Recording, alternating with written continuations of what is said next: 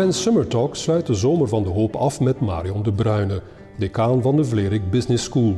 Als burgerlijk ingenieur en dokter in de toegepaste economie had Marion de Bruyne een mooie academische carrière kunnen uitbouwen in de Verenigde Staten. Maar ze verkoos om terug te keren naar België. De beste beslissing ooit in mijn leven, zo zegt ze zelf. We ontvangen haar in de Boutique Gallery in Sint Martens-Latem.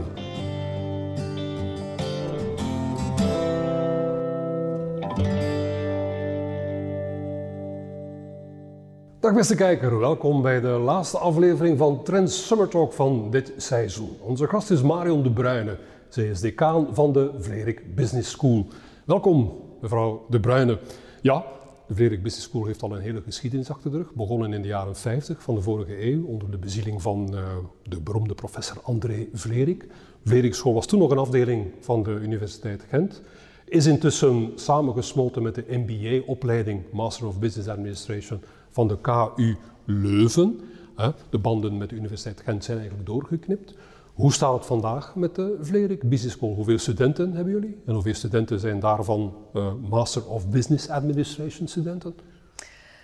Wel, uh, inderdaad, de Vlerik heeft al een hele historiek. Trouwens, een van de oudste business schools van, uh, van Europa. Mm -hmm.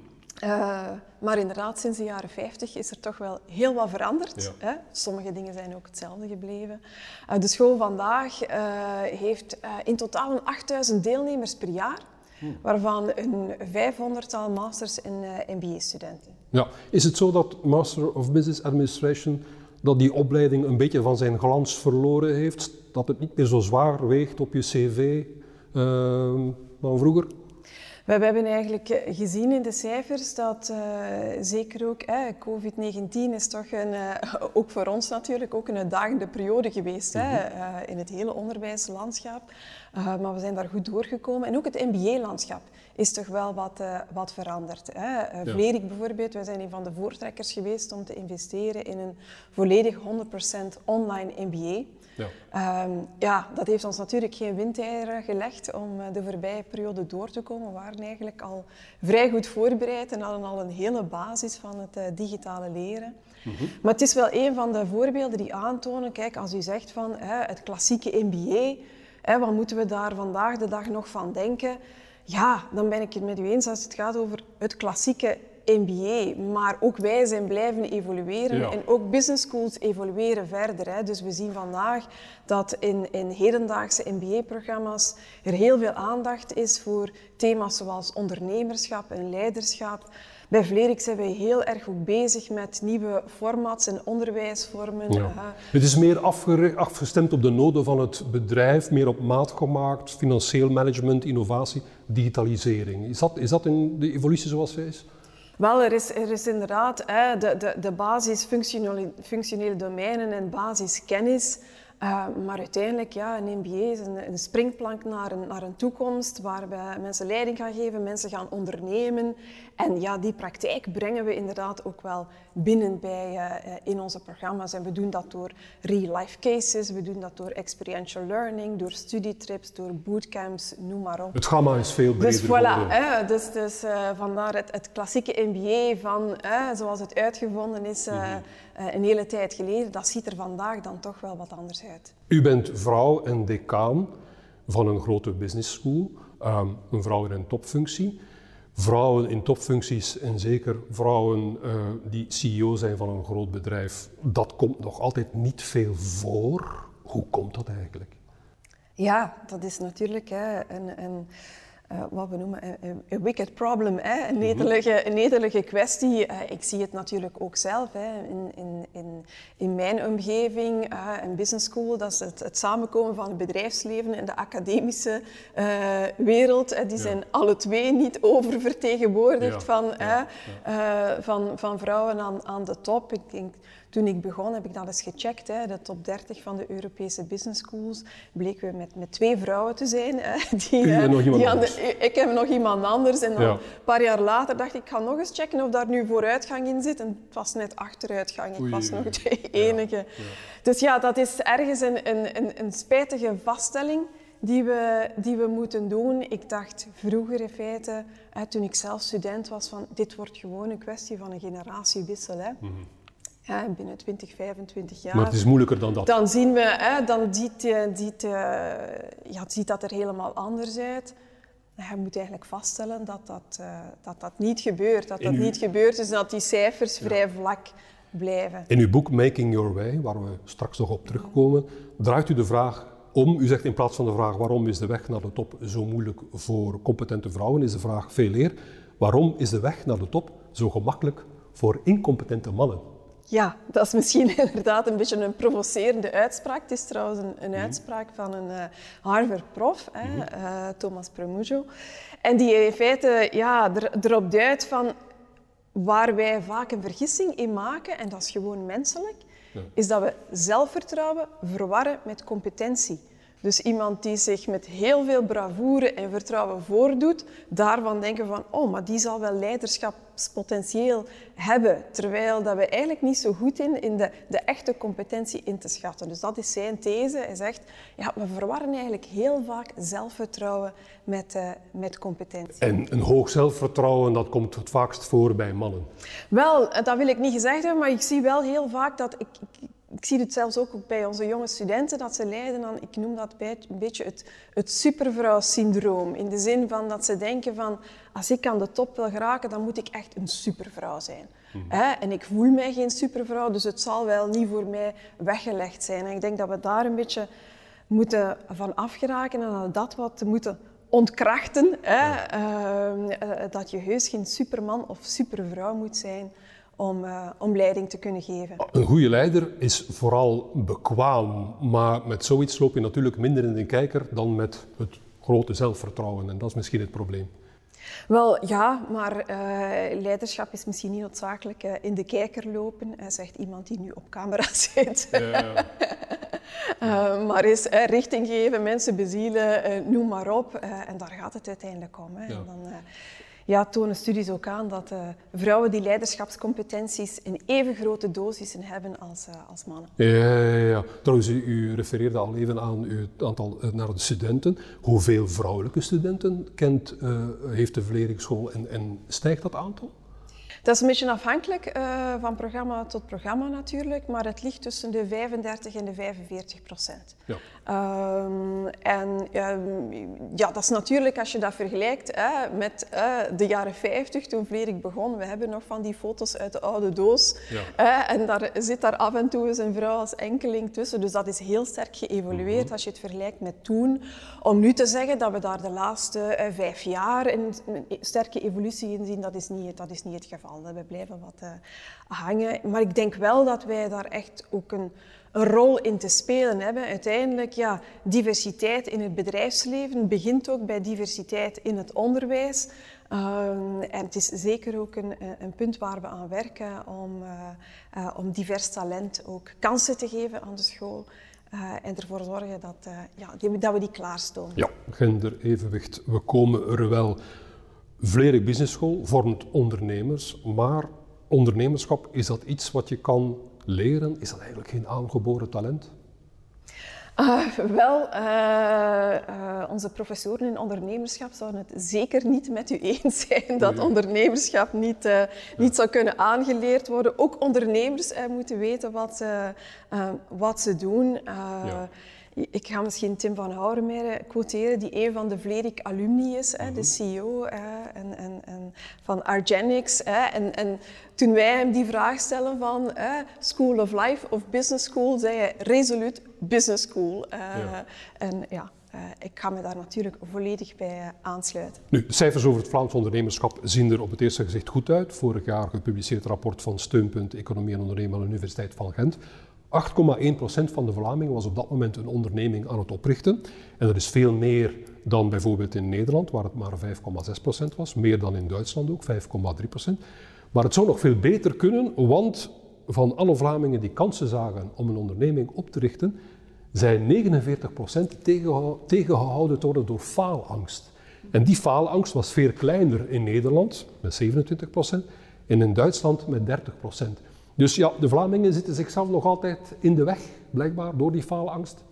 Ja, dat is, ja die cijfers zijn, zijn gekend. Hè. En, en inderdaad, een van de grootste barrières hè, tussen, tussen droom en daad zit de angst voor falen effectief nog wel, uh, nog wel in de weg. Daarvan zien wij ook hè, dat in onze opleidingen, ook voor ondernemers, dat, uh, dat ook die kunnen helpen hè, om vertrouwen te creëren. Eén, om te, het gevoel te hebben van ik weet wat ik aan het doen ben, maar ook ik ben niet alleen. Hè. Ik leer ook van de anderen en ik word ook gesteund door, uh, door de anderen. Ik sta, er niet, uh, ik sta er niet alleen voor. En dat is zeker één manier om die uh, ja, angst voor falen weg te nemen. Ik denk ook persoonlijk, en dat is misschien ook iets wat ik uit mijn tijd uit de Verenigde Staten heb meegenomen, ja, dat het ook zou helpen als er niet zo een stigma zou hangen eh, over falen. Hè. Als we mm -hmm. meer zouden zeggen van oké, okay, en als je dan faalt, ja, het kan gebeuren, maar chapeau en, en applaus. Je hebt, je, hebt het, je hebt het geprobeerd ja. en je bent er volop voor, uh, volop voor gegaan. Um, en, ja, en misschien ook heel veel waardevolle dingen uitgehaald die je weer gaan helpen naar, naar de toekomst. Hè. Mm -hmm. Nu, dit is de laatste aflevering van de Zomer van de Hoop. De gesprekken die we hier voeren in het teken van de relance. Hoe krijgen we de economie en de maatschappij terug op dreef na corona? Maar dus het stimuleren van ondernemerschap heeft zeker zijn plek in die relance. Maar zegt die faalangst ook niet dat we van ondernemerschap ook niet te veel mogen uh, verwachten? Kan iedereen zomaar ondernemer zijn? Ik, ik, vind het in elk geval een, een, een, een relevante bedenking om, uh, om te maken. Ten eerste denk ik dat, het, dat er heel veel verschillende vormen van ondernemerschap zijn. Hè. Het is misschien in eerste plaats ook een, een attitude hè, om opportuniteiten te zien, om vooruit te willen gaan, om uh, uh, dingen te willen veranderen en verbeteren. Ik denk dat elke goede manager de dag van vandaag, elke goede leider de dag van vandaag ook een ondernemer is. Hè? Want de wereld rondom ons verandert heel snel en dat vereist een ondernemende attitude. En het punt dat u ook maakt van, hè, uh, ja, zit er in ieder wel een ondernemer en mm -hmm. verwachten we er niet te veel van?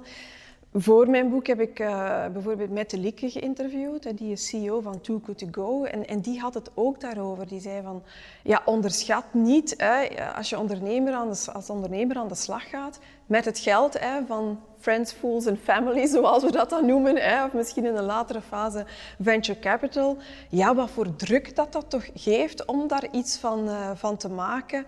Uh, en daar moet je, wel, uh, moet je wel mee om kunnen. Ja, dat denk ik ook wel. Nu, ondernemerschap, dat is ook innoveren. Daarover heb u in 2014 een bekroond boek geschreven. Um, Customer Innovation. U schrijft daar onder andere in, uh, om goed te kunnen innoveren en snel te kunnen innoveren, moeten bedrijven ook samenwerken met andere bedrijven, over de sectoren heen. Maar ik kan mij goed voorstellen dat dat voor veel Vlaamse ondernemers te veel gevraagd is, die samenwerking. Want de typische Vlaamse ondernemer die wil baas zijn in eigen huizen. Mm -hmm. Ja, ik merk daar toch wel dat er uh, absoluut een bewustwording is. En dat heeft te maken inderdaad met een wereld die snel verandert. Hè. Je kan het ook niet allemaal zelf. Sectoren die ook in elkaar overvloeien. En dat toch, toch dat ecosysteem denken, dat dat toch... Belangrijk is. Ja, voilà. En dat dat toch ook aanwezig, uh, aanwezig is, absoluut. Ja, ja, ja. U zegt ook, bedrijven die willen innoveren moeten luisteren naar hun klant. Hè. En zelfs die klant betrekken bij hun innovatie. Is dat ook weer niet iets dat te veel gevraagd is van de Vlaamse ondernemer? Um, ja, we, we, denken soms nog wel wat in de termen, hè, zoals de, de uitspraak over, hè, uh, van Henry Ford, van als ik aan mijn klanten zou gevraagd hebben wat ze wouden, dan hadden ze gezegd een sneller paard hè, in ja. plaats van een auto. En, uh, en dat is zo'n boetade die dan heel snel wordt ingeroepen van het maakt eigenlijk niet uit. Maar ja, ik, ik ja, Eén, ik denk ja, uh, dat je toch veel, de kans dat je in de roos belandt toch veel groter is als je dat met je ogen open doet. Ja. En ik merk ook vaak heel, uh, bij startende ondernemers ook nog wel uh, die focus op het product en de technologie. Um, en minder die focus op heel snel feedback vragen uit, uit de markt. Hè. Van de klant. Maar we weten, voilà, en we weten dat elk businessplan de realiteit niet overleeft. Dus ja, je kan dat maar beter vroeg nemen, die feedback en die leerlessen, dan, dan te laten. Ja. Nu, uh, over die lance gesproken. U was afgelopen donderdag de centrale spreker op Trends Restart. Dat is een evenement van Trends om uh, de heropening van het ondernemingsleven na corona officieel in te luiden, zeg maar. U zei daar in uw toespraak dat ondernemingen niet meer zullen kunnen terugkeren naar vroeger. Waarom niet?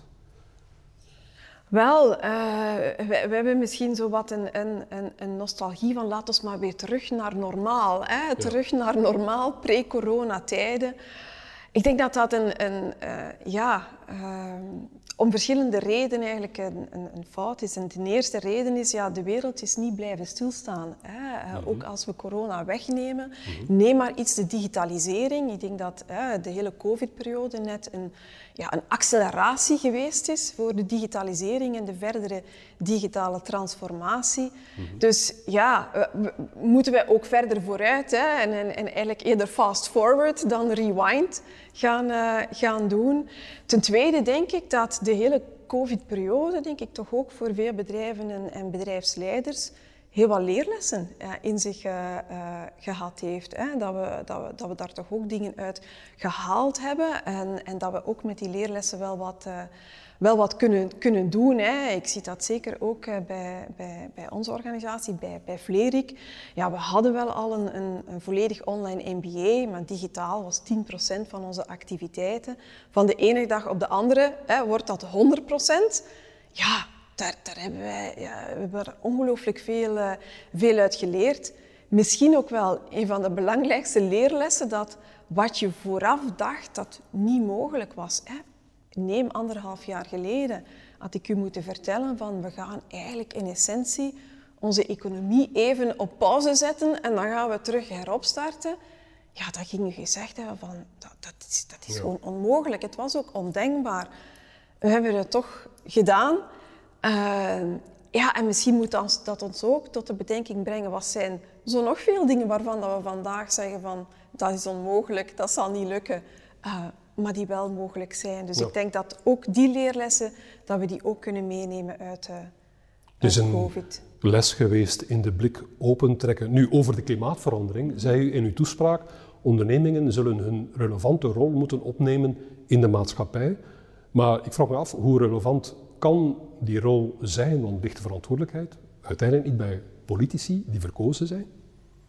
Maar ik denk dat dat ook een van de leerlessen geweest is uit, uit de COVID-periode, is dat uh, economie en maatschappij, ja, dat die aan elkaar hangen. Hè, en dat een economie niet kan floreren zonder een florerende maatschappij. Ja. En, en vice versa. Hè. wat natuurlijk ons dichter bij de vraag stelt van ja, wat brengt het bedrijfsleven en de economie bij aan, aan de maatschappij? Wat voegen, wij, wat voegen wij toe? En daarover moeten ondernemers meer nadenken.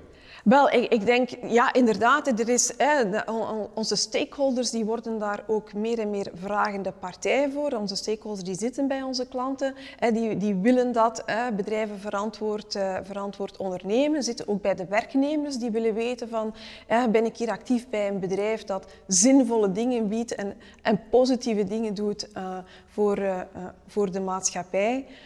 En ik denk ja, dat we bijvoorbeeld op klimaat wel uh, op een uh, strategisch inflectiepunt uh, zitten, waarbij dat het ja, aan ons allen, absoluut, zeker ook beleidsmakers die daar het kader moeten schetsen, maar ook ons als individuen, als ondernemingen, daar mee aan de slag Iedereen moet zijn verantwoordelijkheid nemen. U zei ook, er is nood, of er zal nood zijn aan leiderschap dat beter zal kunnen omgaan met tegenstellingen.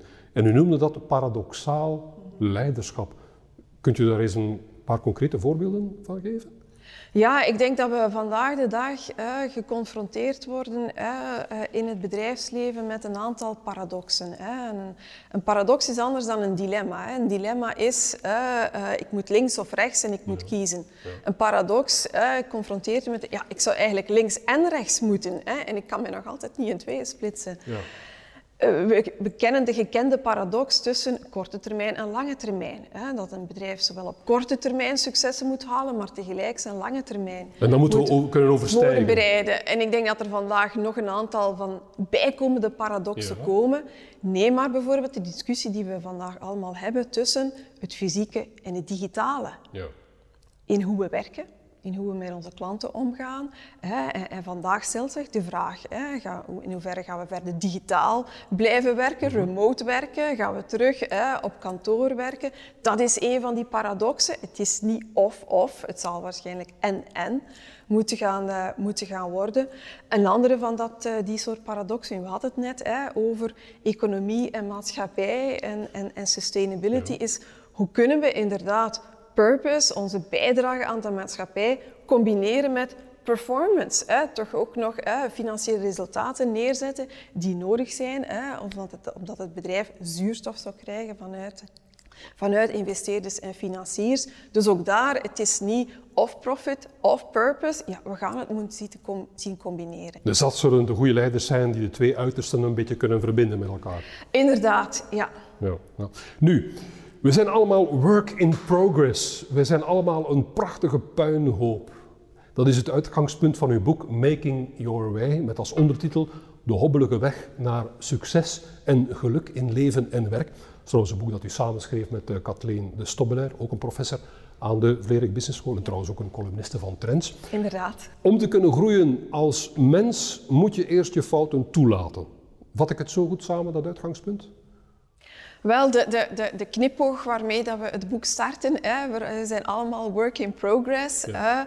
uh, is misschien een beetje een geruststellende vaststelling. Hè. We zijn ook maar allemaal uh, mensen, maar voor mij ligt die klemtoon dan toch vooral op dat idee van, van progress. Hè, dat, dat niemand van ons al zijn of haar volle potentieel heeft bereikt en dat, dat, dat, ja, dat we eigenlijk continu in evolutie zijn, continu bijleren. En we merken ook dat ja, dat onderdeel is van wat dan een, een groeimindset wordt genoemd. Hè. Dat, uh, we zijn niet af en volmaakt, hè, maar uh, en dat is net positief, hè, want dat wil zeggen dat we kunnen blijven bijleren, kunnen blijven evolueren.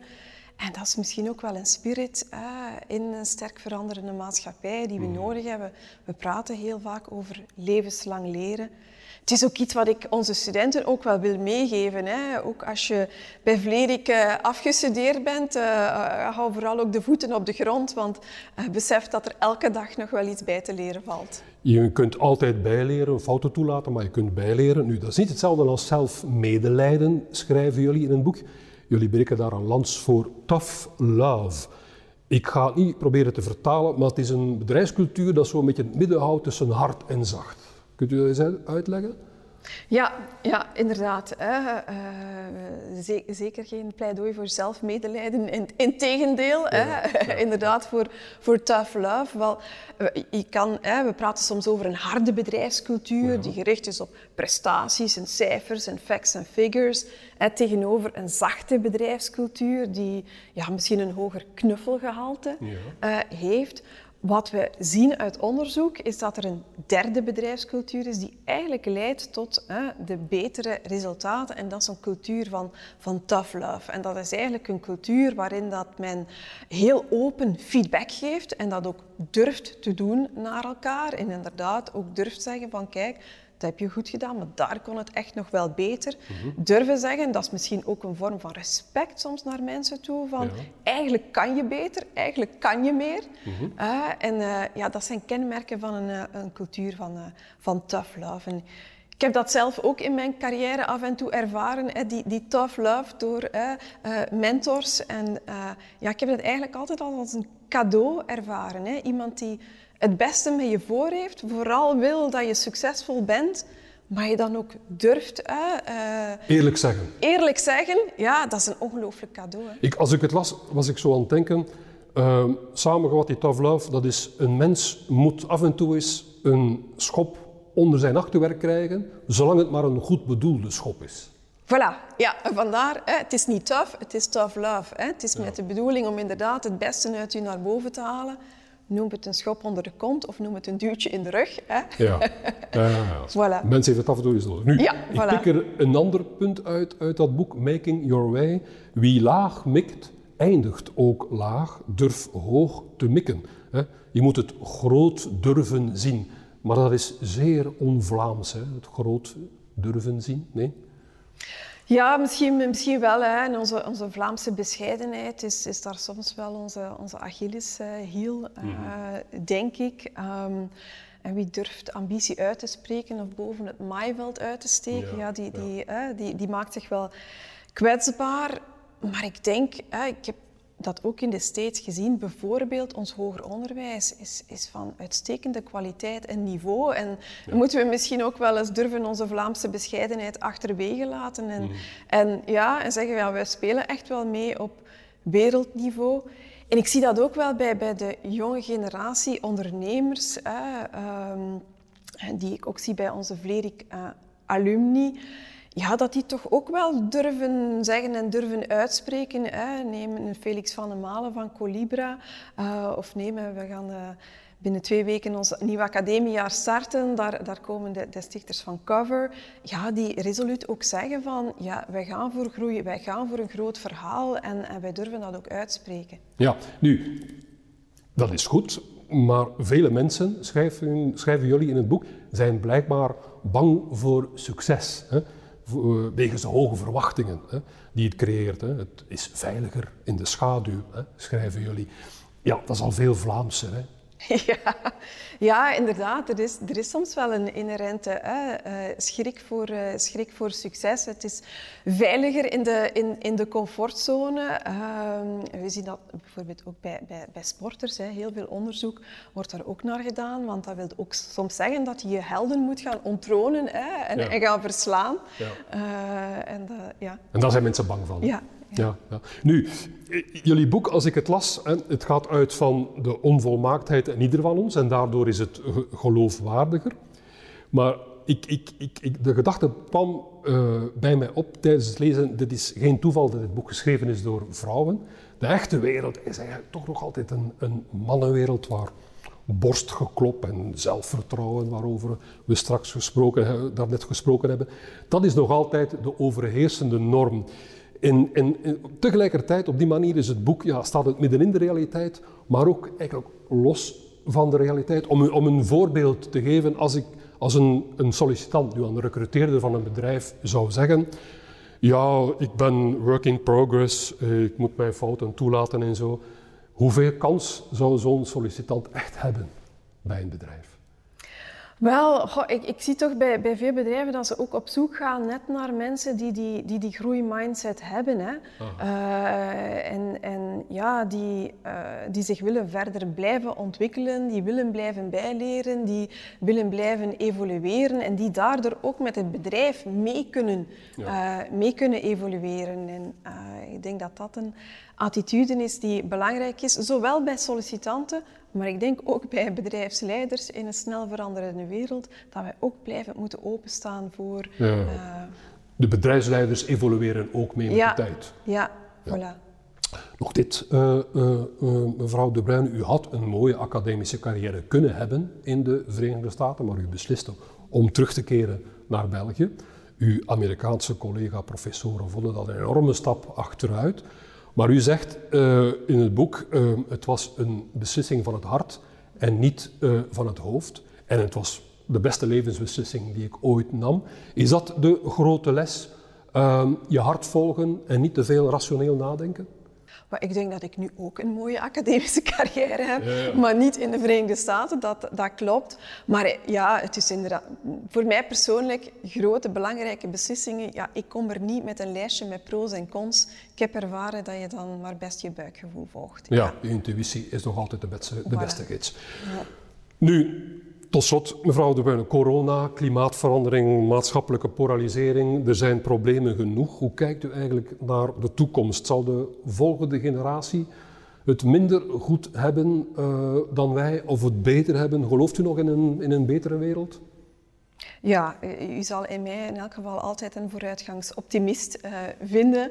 En dat optimisme wordt net ook gevoed door, het contact, door het contact met de jongere generatie, uh, die, uh, ja, die voluit gaat um, voor ja, een combinatie ook van het ondernemerschap, een carrière, maar die ook kijkt naar wat kunnen we bijdragen, welke impact kunnen we hebben op de wereld en de maatschappij. En, eh, daar word ik eh, optimistisch van als ik dat zie. Als u naar uw studenten kijkt, de pit zit er nog altijd in. De pit zit er zeker in. Dat zullen we onthouden, mevrouw De Bruyne, het optimisme. Bedankt voor uw komst naar de Boutique Gallery in sint martens Met veel plezier. En ook, dames en heren, bedankt voor het kijken. Dit was de laatste aflevering van Trends Summer Talk voor dit seizoen. Vanaf volgend weekend zitten we weer in onze studio in Brussel.